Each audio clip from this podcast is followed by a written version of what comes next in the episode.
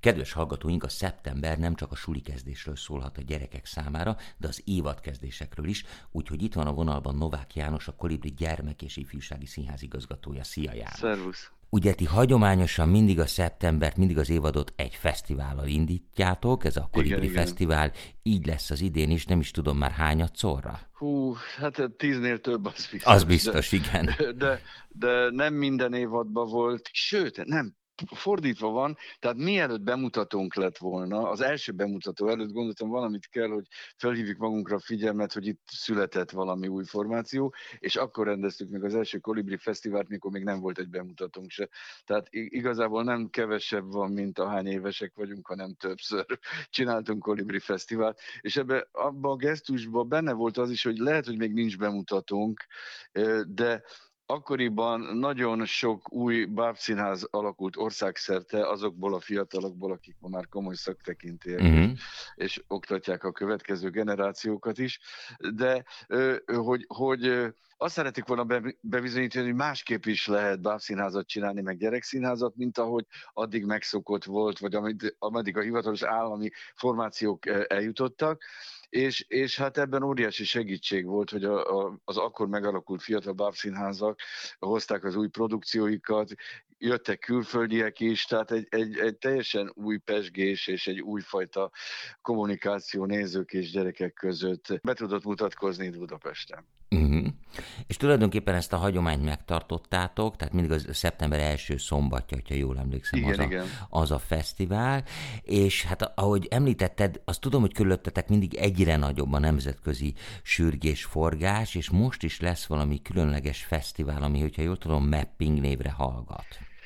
Hát igazából minden, minden szó igaz, a kontextus is nagyjából igaz. Alapvetően arról szól ez a dolog, hogy ahogy ezt ugye az ember akarta igazolni, hogy lám, mi valami olyat csinálunk, ami még nem volt Pesten, ez nagyon jól jöttek a nemzetközi ismerettségeim, és én, mint asszites, ez a gyermek és ifjúsági színház szervezetnek egy magyar tagja, elég sok külföldi színházat láthattam, Svédországtól Olaszországig, így elsősorban Európában, és adódott, hogy ha azt akarjuk bemutatni, hogy mi mit szeretnénk csinálni, megmutatjuk azokat a partnereket, akik, akik ezt képviselik. És most is jönnek ketten, az egyik a Labarakka, akikkel hosszú kapcsolatban vagyunk, ez a Mapping Fesztiválra jönnek, a Kolibri Fesztivál, egyben ugye Mapping Fesztivál is lesz, és a Mapping ennek a csapatnak a közös neve, amik, akik azt akarják bebizonyítani, hogy a legkisebbeknek is lehet színházat csinálni, és tulajdonképpen ebből is adódott a közös név, hogy fölkerüljön a művészet művészetek térképére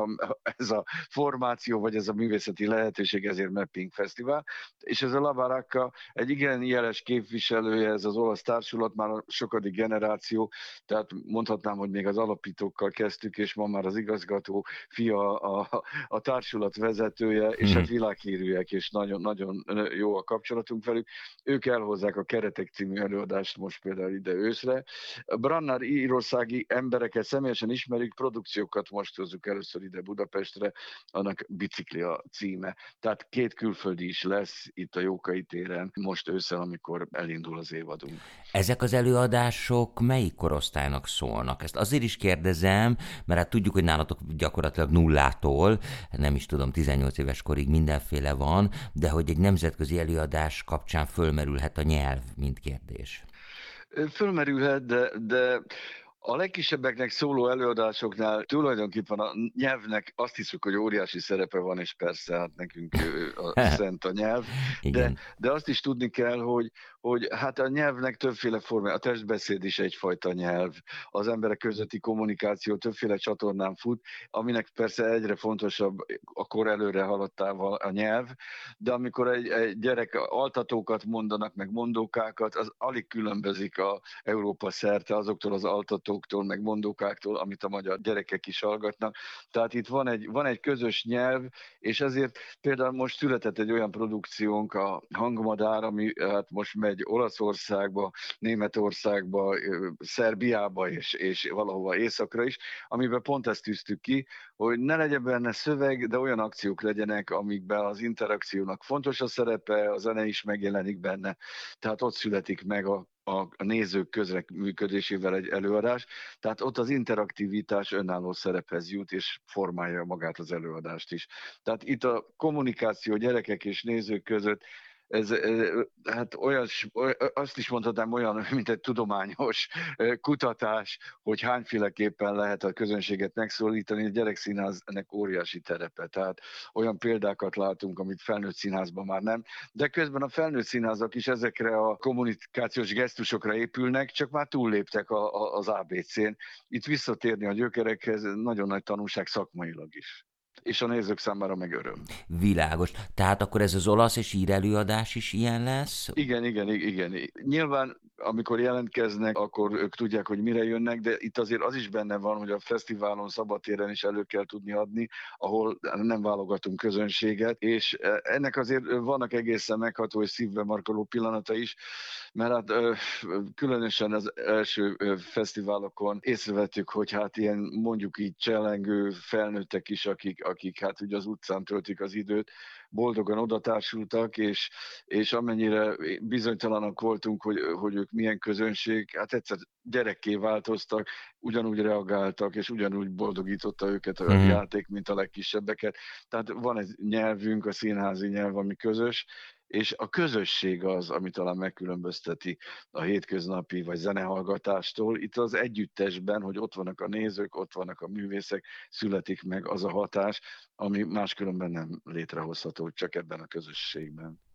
Világos. János, akkor maga a fesztivál, nyilván az időjárás függő is, de hogy mennyire lesztek az épületben, és mennyire lesztek a Jókai téren, ugye ezt most frissen felújították ráadásul. Igen, de alapvetően az a helyzet, hogy mindent úgy tervezünk, hogy kint lesz, és akkor két dolog szólhat bele. Egyrészt az időjárás, amikor a, a, ha eső van, akkor mindent ott tartunk be az előtérünkbe, vagy a színpadon és az előterünkbe, de még ilyenkor is előfordulhat, hogy valaki egy olyan intimebb előadást szeretne itt párhuzamosan lejátszani a szabadtéri rendezvényekkel, amihez kifejezetten igényli a színházi teret, és már régóta lemondtunk arról, hogy mindenféle szabályokat szabjunk meg. Ha elég tehetséges a formáció, ha tudják, hogy hova jönnek egy milyen fesztiválra, akkor természetesen ez a lehetőség is fölkerül a programra. Ráadásul, amikor rövid idő alatt sok előadást kell lejátszani, a szabadtéren is nagyon fontos, hogy legalább két színpadot építsünk, hogy az egyiken, amikor lejátszották az előadást, már is bontsanak, építsenek,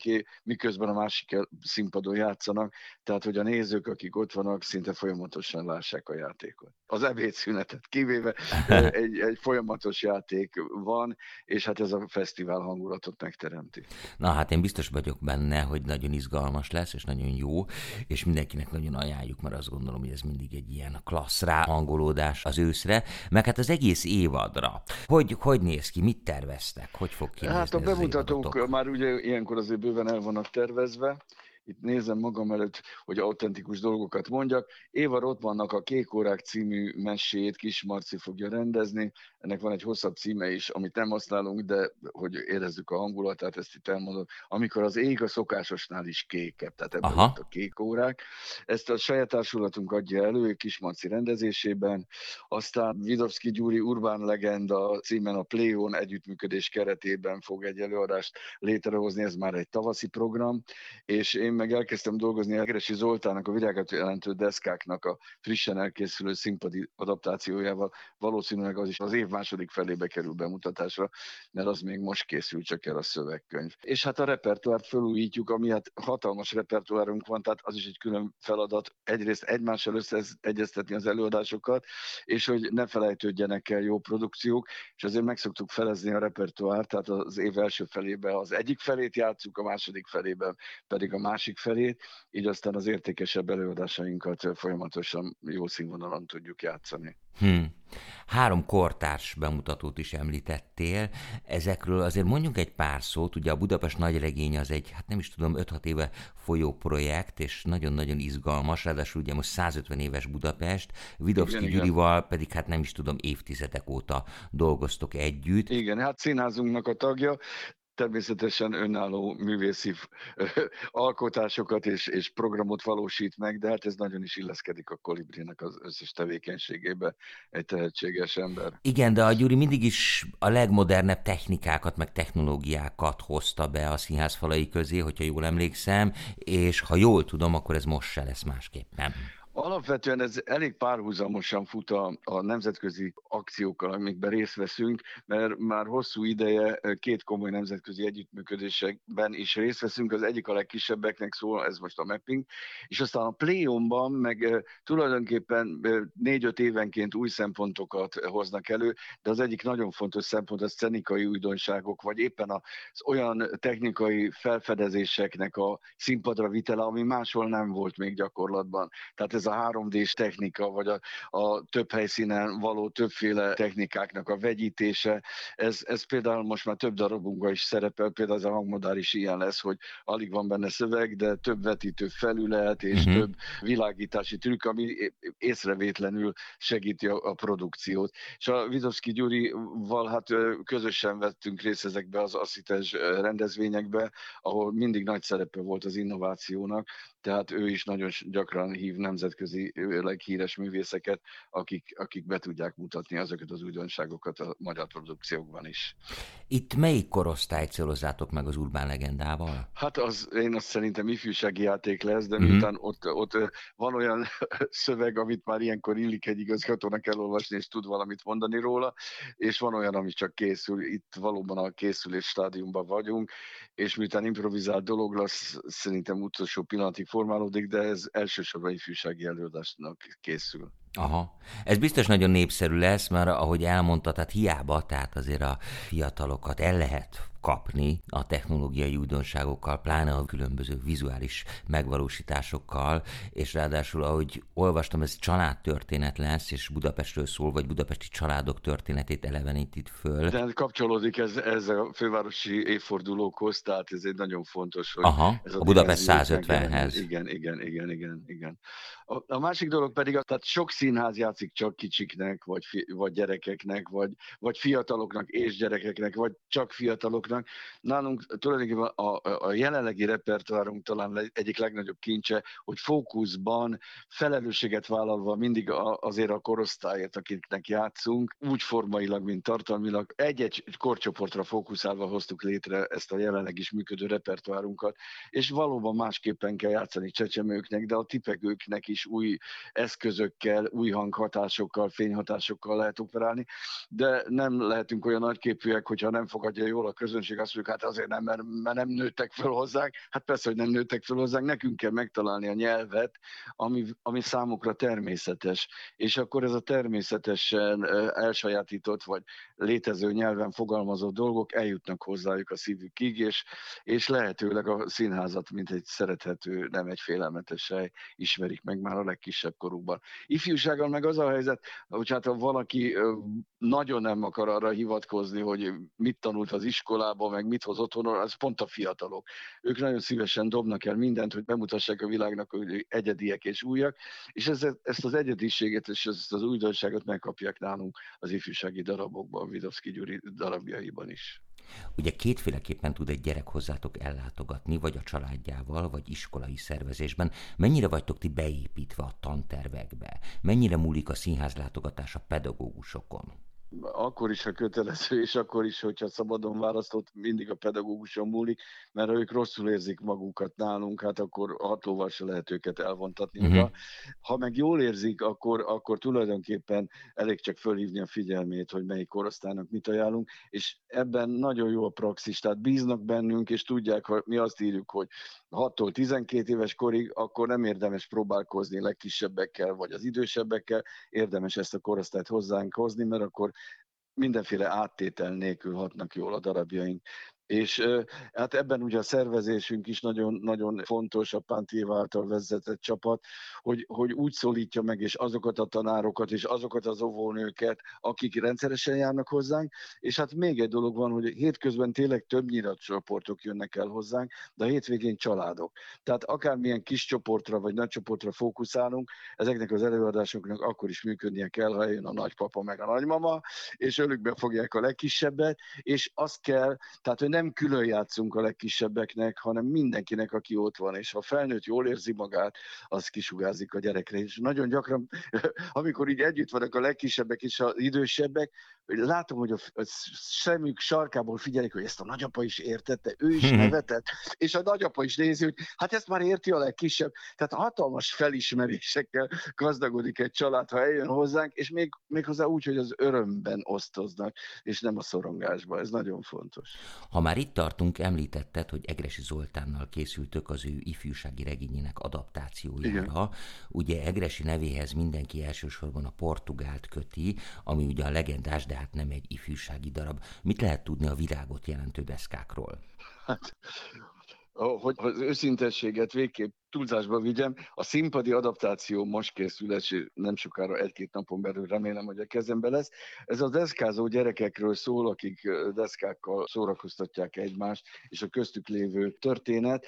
Hozzáteszem, vannak nálunk ilyen nagyon pedagógikus és nagyon lélekben vájkáló előadások. Ez egy nagyon szórakoztató és vidám végig nevettető produkció lesz, de mondom, szeretném most már kézben olvasni a szerző által is engedélyezett adaptációt, és akkor többet tudok majd róla mondani. Minden esetre bizakodóak vagyunk, hogy ez egy, ez egy megint egy új szín lesz, és egy, hát egy eredeti új magyar gyerekdarab biztos vagyok benne. János, muszáj még megkérdeznem tőled, Igen. hogy ugye mindig színházi igazgatói minőségben beszélgettünk veled, de hát azért te elsősorban, vagy másodszorban, vagy nem tudom, hogy hányadsorban, de hát muzsikus is vagy, és az egy dolog, hogy hát a, a színháznak a zenei életében aktívan részt veszel, vagy te vagy a zenei igazgató, zenei vezető, hát nem is tudom pontosan. Vannak-e terveid zenészként, önálló előadó művészként? Hát zenei vezetőben nagyszerű, nagyszerű munkatársaim vannak, és, és a zenészek is kitűnnek, tehát hogy mondjam, nem, remélem, hogy nem ülök rájuk, és a szabad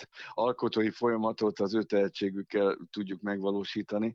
Én meg hát azt a részét, amikor úgy, úgy írok dalokat, azt megtartottam elég privátnak. Tehát, hogy mondjam, mikor, mikor semmi más dolgom nincs, vagy éppen olyan a hangulatom, most például kikerekedett hát legalább egy órányi kosztolányi vers megzenésítés, és hogyha valaha, vagy a közeljövőben valamikor egyszer az közönség előállok, akkor ezt fogom eljátszani. Tehát ez az én mondhatnám a privát életem, ami úgy néha-néha megjelenik a kolibribe is, Egyébként pedig hát a darabokhoz ma már csapatok jönnek, és általában, ha, ha jön egy rendező, annak megvannak a zeneszerzői, megvannak a képzőművész uh-huh.